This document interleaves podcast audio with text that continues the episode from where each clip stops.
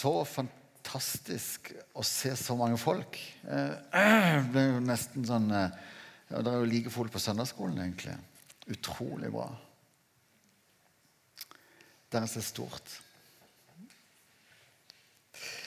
Dere, Denne høsten, så, som Tone sa, så er jo temaet sendt. Eh, og det blir som en sånn paraply over hele høsten. Eh, og jeg håper for så vidt at det Eller ikke bare håper, men jeg tror det, det vil ha forskjellige, det er forskjellige temaer, forskjellige fokus, forskjellige vinklinger på det temaet utover høsten. Eh, men på forskjellig vis så skal vi inn i temaet sendt. Eh, vi skal bl.a. dykke litt ned i Nehemjas bok senere i høst. Eh, det blir spennende, tror jeg. Mm. Eh, I, I, dag skal jeg ha en liten sånn intro til, til sendt. Um, og det, det, er alltid utrolig spennende det å begynne å forberede en tale, fordi det, av og til så tar det noen sånne vendinger underveis eh, som gjør at det blir litt annerledes enn hva en hadde tenkt. Um, men det gjorde vi i dag, da. Så vi får se. Dere, når vi starta menigheten her på Hall, så var det for å nå nye mennesker. Det var for at flere skulle få høre om Jesus, om hva han har gjort, og hva det betyr. At flere skulle få møte Jesus og få lov til å ta imot han som herre og frelser. Eh, det var ikke for å på en måte skape en trygg plass for oppbevaring av oss kristne. Det, det der, altså, vi trenger ikke flere menigheter for å gjøre det. Men jeg tror at dess flere menigheter vi er, dess flere mennesker når vi med evangeliet. Og vi tror at vi som menighet og som enkeltmenneske er sendt til Mandal. Vi tror at vi som menighet og som enkeltmenneske er sendt ja, ikke bare til Mandal, men faktisk helt til verdens ende. Men hvordan ser det ut å være sendt til Mandal? Hvordan ser det ut å være sendt til verdens ende? Eh, nå er det jo noen fra Brasil og litt sånt, og de føler kanskje at de er kommet til verdens ende. Jeg vet ikke. Men, eh, men iallfall så har vi fått et oppdrag som er langt mye større enn oss her i Mandal. Som menighet så er det veldig lett å havne i grøfta hvor vi blir opptatt med alt det som vi holder på med. Vi opprettholder alle aktivitetene. Fyller alle lister med navn skal, til alle oppgavene som skal gjøres av kaffekoking og lovsang og søndagsskole og alt det der praktiske. Og så er det ikke det at ikke det er viktig, for det er kjempeviktig. Men av og til så trenger vi å stoppe opp og se på hva er det egentlig vi holder på med, og hvorfor gjør vi det vi gjør. Eh, så vi skal i dag begynne å eh, hente fram, eh, vi skal hente fram visjonen vår. Er det noen som husker, noen som husker visjonen vår? Tone husker. Det var veldig godt at Tone husker visjonen vår. Er det andre Olav? Ja, ja. Og visjonen vår er Fantastisk. Gud gjennom oss til mennesker. Mange av dere kjenner den, mange av dere kan den. Og det er kjempebra, for dette er viktig.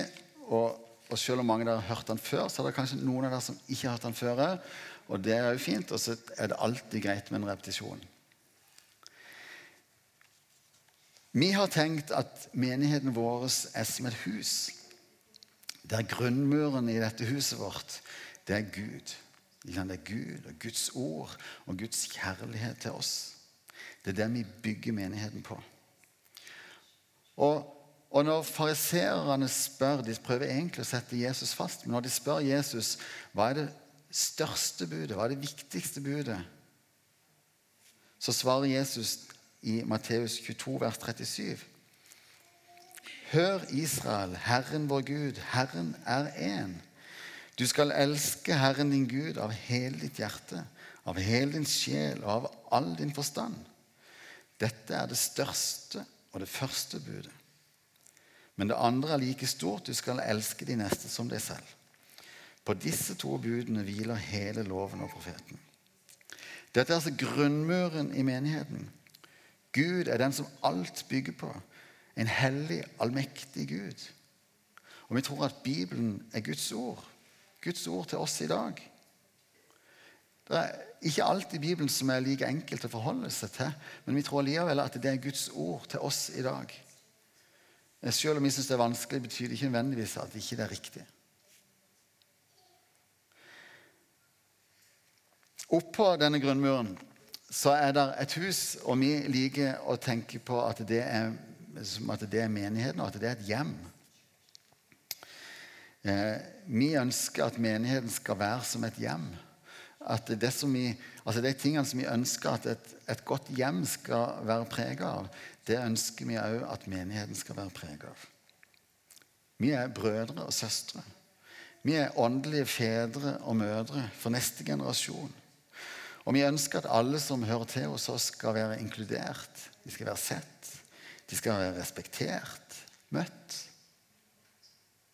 Og vi ønsker at alle som, skal, som er med her, skal, skal være med og bidra med det som vi er utrusta med av gave og evne. Både økonomiske gaver, men òg menneskelige ressurser. Alt fra hva slags eh, situasjon og oppgave vi har. Og så er det jo at Når vi tar med oss Gud inn i dette, det er jo da det virkelig begynner å bli spennende. Eh, fordi at Når vi tenker at Gud virker i oss og gjennom oss i alle disse relasjonene Men stikkordet 'hjem' er viktig.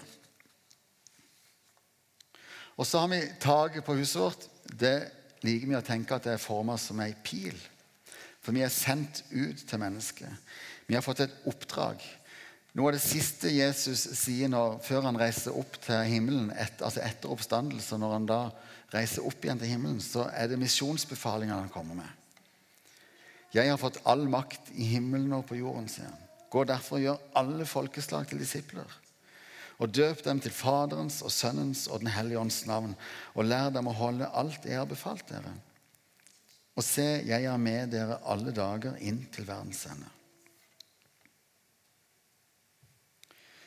Vi har et oppdrag, og vi ønsker at det skal være bevegelse. Vi skal bevege oss fram mot noe, ut mot noe. Hovedoppdraget vårt er å gjøre disipler. Og veldig mye av den disippelgjøringa den foregår jo for så vidt nede i huset. I menigheten. ikke sant? Disippelgjøringa av, av menigheten, av oss, av barna våre, av ungdommene våre. Derfor tenker jeg at dette, dette, som vi holder på med her, er kjempeviktig. Og kanskje ikke minst altså søndagsskolen, ungdomsarbeid, konfirmantarbeid er noe av det aller viktigste vi holder på med som menighet. For her er det så masse disippelgjøring. Og det er altfor viktig oppgave til at vi på en måte bare lar det skure og gå. Til vi på en måte eh, føler at det ikke fungerer lenger. Dette er en kjempeviktig oppgave som må prioriteres av oss som menighet. Og, og, ja, så her trenger vi at alle er med og bidrar og støtter opp eh, om det arbeidet der, for det er utrolig viktig. Men vi er også kalt til å vinne disipler utenfor menigheten. Altså, vi er kalt til å nå lengre ut, til å nå nye mennesker. Og vi trenger å ha et fokus utenfor veggene våre. Eh, når vi starter menigheten her, eh, og for så vidt når vi tenker på oppdraget som vi har fått, så har vi tenkt at det er viktig å, å, bygge i riktig rekkefølge. Vi må bygge menighet, vi må bygge en solid menighet. Vi må sørge for at vi har et godt fundament i Guds ord. Eh, og vi må sørge for at eh, Vi har jobba mye med kulturbygging.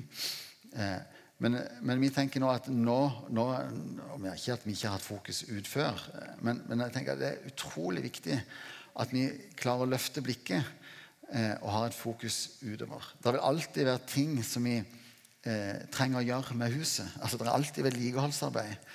Eh, men vi må allikevel eh, klare oss å løfte blikket og se utover. Vi må tørre å tenke hvordan når vi nye mennesker her i Mandal? Hvem er det som jeg møter, som trenger Jesus? Og hva med misjonskallet vårt? Hvordan forvalter vi det som menighet?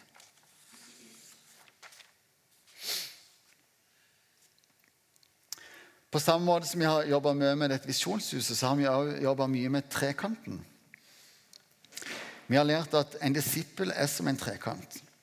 Og en disippel han lever i tre relasjoner.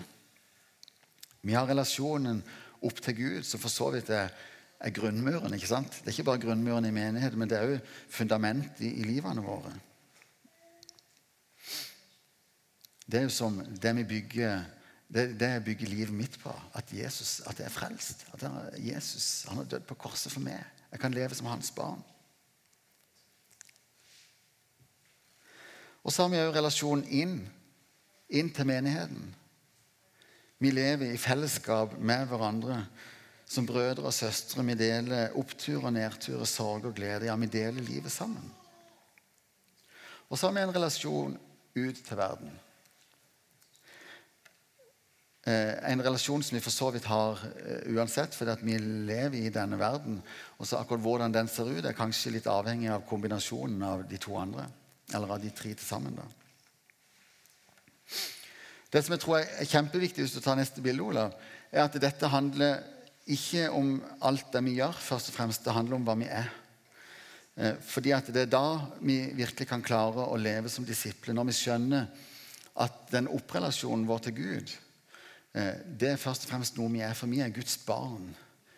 Eh, hvis vi tenker at vi er tjenere eller disipler eller eh, lærlinger, som vi også har pratet om, som også for så vidt er riktig, da, eh, så blir det så fort så mye strev. Men hvis vi, tenker, hvis vi, klarer å forstå at vi er Guds barn, og den tryggheten og den hvilen som det er i det, eh, så har vi et helt annet utgangspunkt for vår relasjon til Gud. Og Det samme med, med inn i menigheten. Eh, hvis vi hele tida har fokus på alt det som vi skal gjøre inn i menigheten, så er jo det fint, men det er når vi skjønner at vi er faktisk brødre og søstre, vi er familie, eh, så, så, får vi et helt annet forhold til hverandre. Og ikke det at ting nødvendigvis er enkelt for det, fordi at familie kan være kjempevanskelig. Men det gjør jo likevel at en må ta tak i ting. Man må, man må, sette ord på det som er både, både, bra og det som ikke er bra. ikke sant? Og på den måten så bygger vi jo virkelig sterke familieforhold inn i, inn i menigheten. Og til det som er temaet i dag, med, med utrelasjonen vår. Vi er jordens salt. Vi er verdens lys. Det er vi egentlig helt sånn uavhengig av alle gjerningene vi gjør. Hvis vi eh, fokuserer på alt det, altså godhet og vitne og alt det der, så blir det jo bare strev. Men hvis vi klarer å skjønne at vi er, vi er jordens salt vi er verdens lys. Vi bærer med oss noe i livene våre som lyser opp denne verden.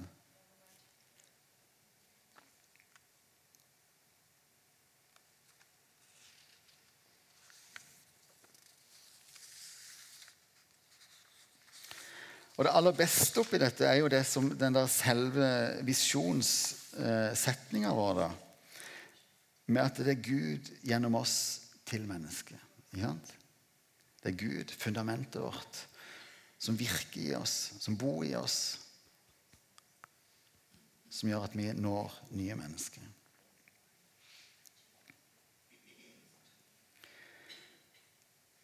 For det er jo Altså Jo da, vi kan, gjøre, vi kan, gjøre, ganske mye. Mange av oss vi, Av og til kan vi tenke at vi er ganske flinke. ikke sant? Vi kan gjøre ganske mye i oss sjøl. Vise godhet og vitne. Ikke sant? Men det er jo når Gud får virke i oss. Det er, jo når Gud legger sine ord i våre munn. ikke sant? Når det er hans kjærlighet som, som, driver oss til å vise godhet. Det er jo da det virkelig får kraft. Jeg hadde jo aldri stått her og talt hvis ikke det var med en trygghet på at, at Gud bruker meg. At de ordene som, som, eh, som, jeg på en måte lirer av meg her oppe, at det er ikke, det er ikke bare ord. Altså Hadde det vært bare mine ord, så, så, var det jo ikke noe på et vis. da. Mens, mens hvis Den hellige ånd får bruke mine ord, så kan, rø, altså, så kan Gud røre dere. ikke sant? Kan gjøre noe. Og det er jo min bønn når jeg står her, at, at ikke dette bare blir ord, men at det er noe som skaper noe eh? Det kan være inspirasjon til å gjøre et eller annet som du har tenkt på lenge. Det kan være en ny retning. det kan være? Den hellige ånd bruker på helt forunderlig vis inn i hver enkelt av våre liv.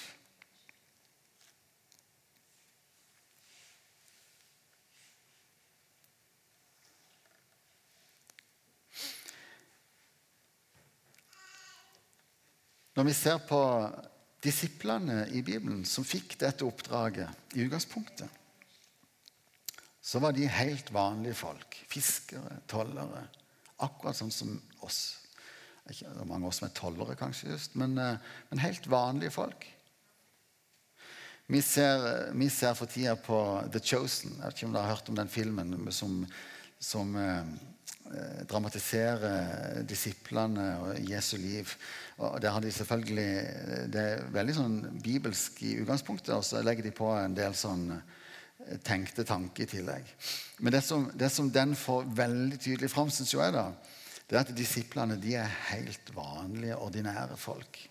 Jesus kalte de ikke fordi at de var ekstremt flinke til et eller annet, eller veldig hellige. Eller, altså, de var helt ordinære folk. De krangler, og de misforstår, og de vil gjerne, men, men uh, tabber seg ut. Og, altså, det er helt vanlige, ordinære folk.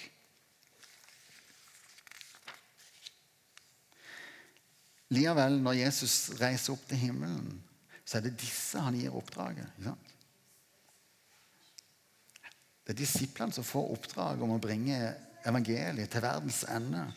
Og selv om, vi, selv om vi skulle glorifisere og tenke på alle disiplene som helgener, eh, så er det jo allikevel et ganske risikabelt eh, opplegg å gi dette oppdraget til disiplene. I dag så er det vi som har fått dette oppdraget. Oppdraget er vårt om å bringe evangeliet til jordens ende. Om å gjøre disipler.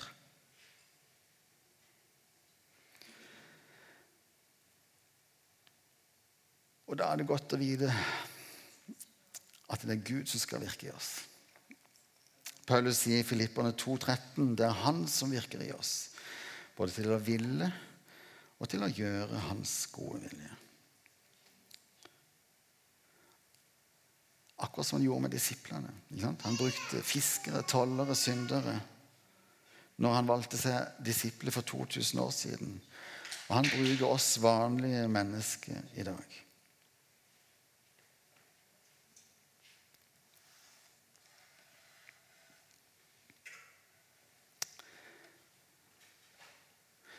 Når jeg drev og forberedte denne talen, så har jeg kommet ca. her. Og så tenkte jeg Gud ah, kan du ikke gi meg noe nytt? Dette har jeg jo sagt før. vi, er, det virkelig, er det virkelig dette jeg skal snakke om i dag? Liksom? Det,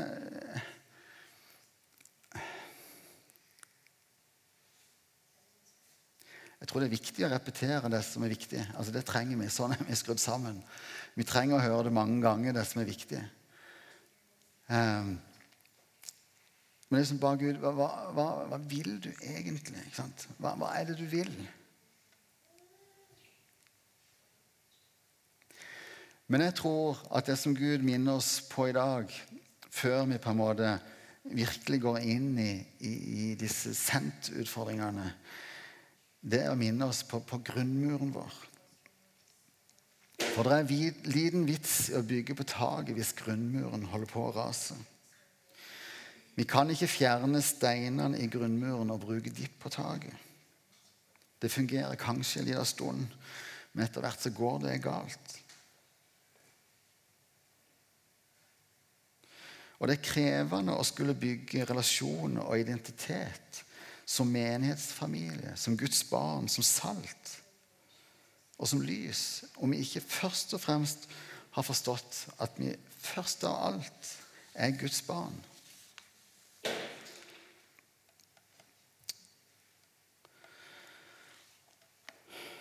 Og så leste jeg fra, rett og slett fra Johannes' åpenbaring. Og Vi skal lese fra Johannes' åpenbaring 2. Det er Johannes som sitter og så skriver han brev til de syv menighetene. Og så skriver han til Efesos. Og vi leser kapittel 2, vers 2. Jeg vet om dine gjerninger, ditt strev og din utholdenhet.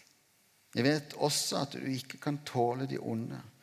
Du har prøvd dem som kaller seg apostler, men ikke er det, og du har funnet at de er løgnere. Du har holdt ut, du har tålt mye for mitt navns skyld og ikke gått rett. Men dette har jeg imot deg. Du har forlatt din første kjærlighet. Tenk på hvor du sto før du falt. Vend om og gjør de gjerninger du gjorde før. Ellers kommer jeg til deg og tar lysestaken din bort hvis du ikke vender om.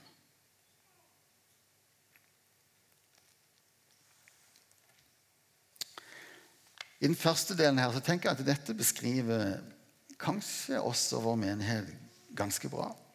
Vi står på. Vi bretter opp armene og gjennomfører det som skal gjennomføres. Ingen skal komme her og si at vi ikke gjennomfører. Nå har det riktignok vært eh, korona, så det er mye som vi ikke har gjennomført. Men, men vi har gjennomført mye annet istedenfor. Og vi har virkelig stått på, eh, føler jeg egentlig. Vi har hatt søndagsskole for barna, vi har hatt kveldsgudstjeneste, og vi har hatt vekstgruppe på Zoom. Og noen har gått eh, hatt vekstgruppe ute. og Vi har virkelig prøvd så godt vi kan å gjennomføre oss sjøl med alle restriksjonene som har vært. Vi er opptatt av rett lære. Vi er opptatt av hva som kommer fra Gud, og hva som er, sant. Hva som eh, Gud leder oss til. Og i forbindelse med konflikten som har vært her, så tror jeg nok det er en del av oss som kan kjenne på at vi har måttet tåle en del urett òg. Og på mange måter så tenker jeg at vi er kanskje som en gjennomsnittlig menighet i Norge.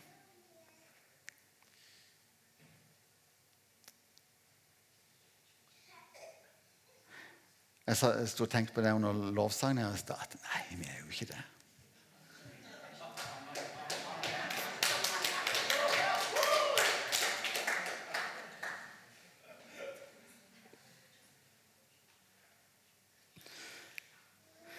Men jeg tror allikevel at vi skal stoppe opp med, med ok, men, men, hva er det, altså det, den første kjærlighet? Du har forlatt din første kjærlighet, står det. Og kjempebra alt det de holdt på med.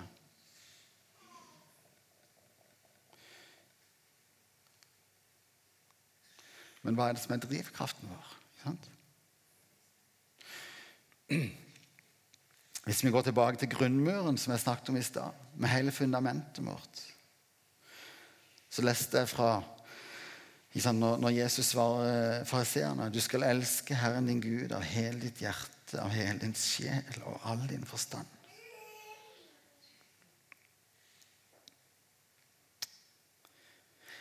Vi kan bygge menighet. Vi kan lage strategi og handlingsplaner. Vi kan drive kulturbygging. Modighetskultur, godhetskultur, familiekultur, giverkultur, vitnekultur, sendtkultur. Alt dette er jo knallbra, ikke vel? Det er til og med bibelsk. Og jeg tror egentlig det er etter Guds hjerte òg.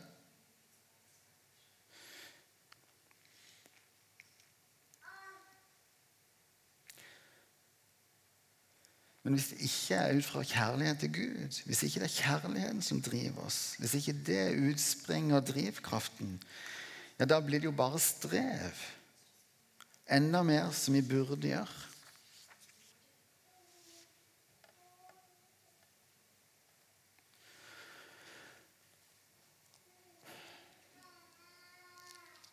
Paulus sier i, i Korinterne, første kor 13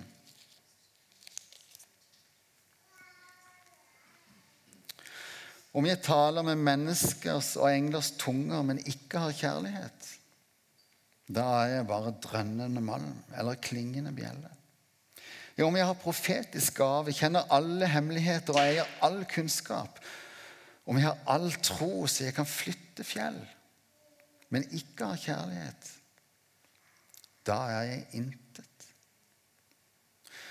Om jeg gir alt jeg eier, til brød for de fattige, om jeg gir meg selv til å brennes, men ikke har kjærlighet, da har jeg ingenting vunnet. Kjærligheten er tålmodig. Kjærligheten er velvillig.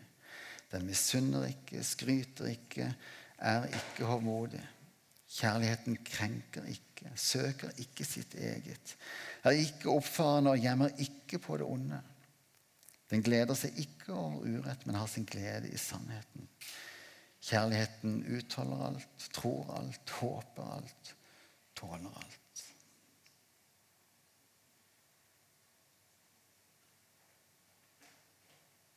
Om jeg taler med menneskers og englers tunge, men ikke har kjærlighet, da er jeg bare drønnende malm eller en klingende bjelle.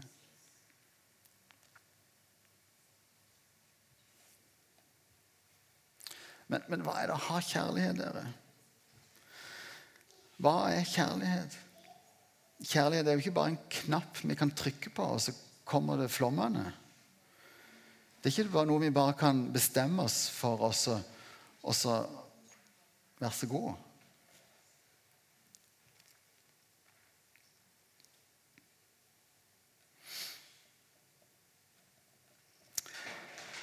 Johannes skriver i 1. Johannes brev 4, vers 9. Ved dette, ble det, ved dette ble Guds kjærlighet åpenbart blant oss. At Gud sendte sin enbårne sønn til verden for at vi skulle leve ved ham. Ja, dette er kjærligheten. Ikke at vi har elsket Gud, men at Han har elsket oss og sendt sin sønn til soning for våre synder. Mine kjære, har Gud elsket oss slik? Da skylder også vi å elske hverandre. Ingen har noen gang sett Gud, men dersom vi elsker hverandre, blir Gud i oss, og hans kjærlighet er fullendt i oss. Vår kjærlighet til Gud er på forunderlig vis ikke noe som vi kan produsere eller prestere. Men det er noe som vi kan speile tilbake til Gud. Den enorme, grenseløse, ubetinga kjærligheten som Gud har til oss, den må vi først ta imot, og så kan vi speile den tilbake. Det er den kjærligheten som er drivkraften. Det er den kjærligheten som er bensinen på bålet når vi, når vi brenner. Opphavet til alt som er godt. Det er Guds kjærlighet som driver oss til frelse og til omvendelse. Og det er Guds kjærlighet som driver oss til all god gjerning.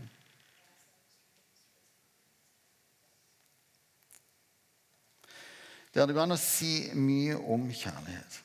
Om at vi er Guds elskede barn, at vi er kongssønner og kongsdøtre.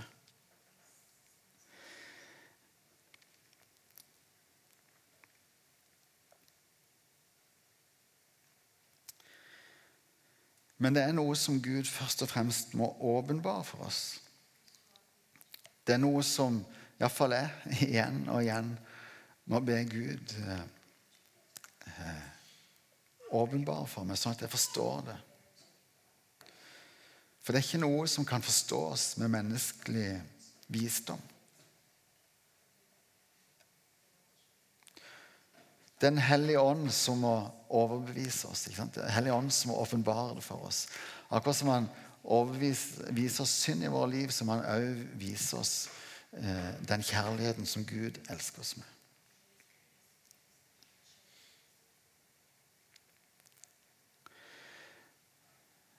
Og jeg tenkte, skal, Det er derfor vi skal ha nattverd nå, ikke før.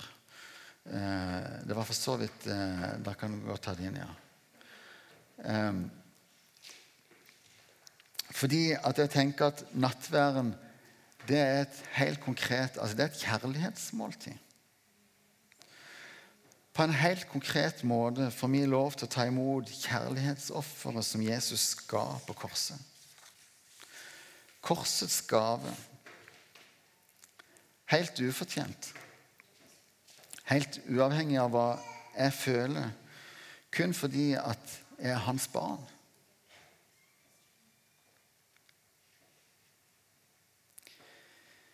Kun fordi vi er skapt i Guds bilde, og vi elsker Gud. Vi elsker så høyt at han hang på korset for meg.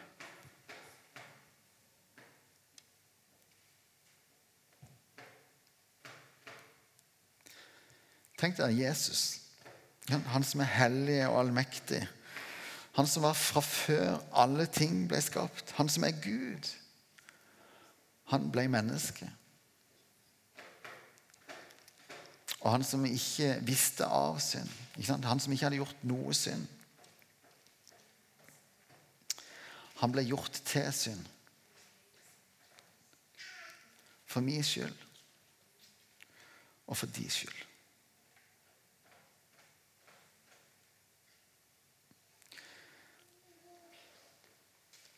Sånn at jeg kan stå ren og rettferdig og himmelen verdig. Sånn at du kan stå ren og rettferdig og himmelen verdig.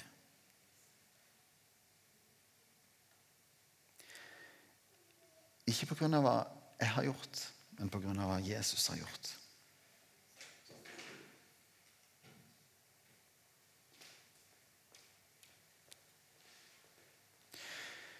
Jesus døde ikke på korset for de som mestrer alt, og som får det til.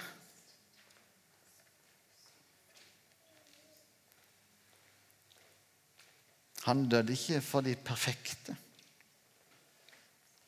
De som ikke gjør sin, for de fins ikke. Det var bare Jesus. Han døde for meg. Han døde for det. Når Jesus ble piska, så var det for meg. Når Jesus ble piska, så var det for det. Og de slo naglene gjennom armene og beina hans. Hva var det for meg.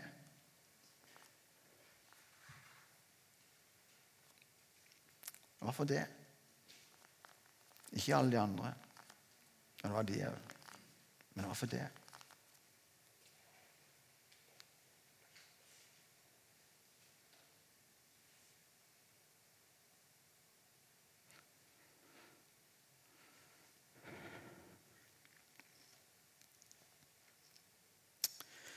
Når Jesus innstifter nadværen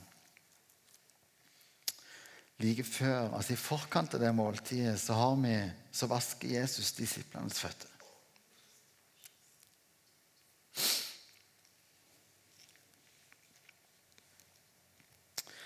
Der var jo Judas.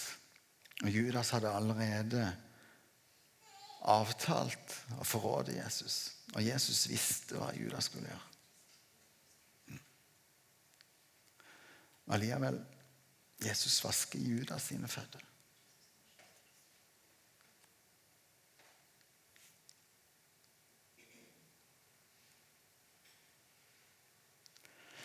Det er Guds kjærlighet. Og den kan vi få lov til å ta imot. Helt uavhengig av hva vi måtte føle sjøl.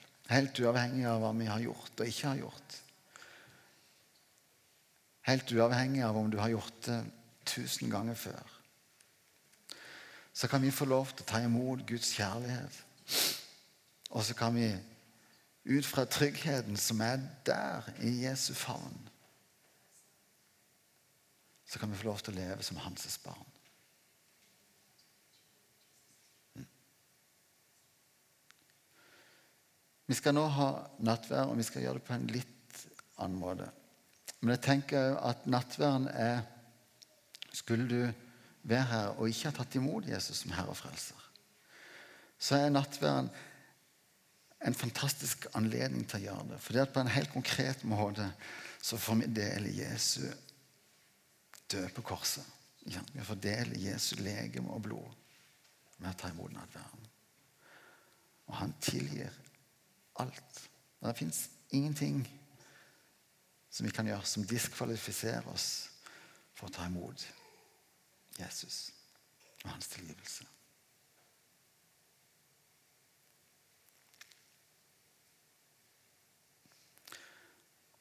Og Jesus står med åpne armer og ønsker mer enn noe å omfavne oss og gi oss av sin kjærlighet.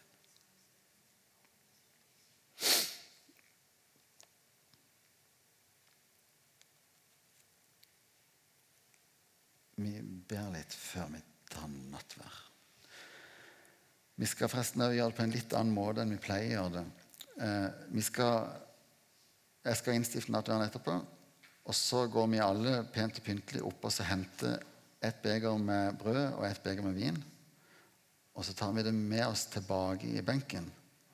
Og så skal vi ta det samtidig. Ja? Så ikke, ikke, ta det der, når dere får det, men ta det med dere tilbake til benkene, og så gjør vi det i benkene samtidig.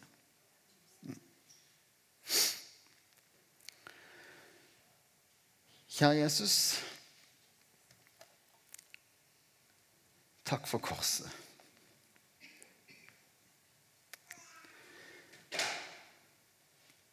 Takk for at du eh, valgte å dø på korset for hver enkelt av oss.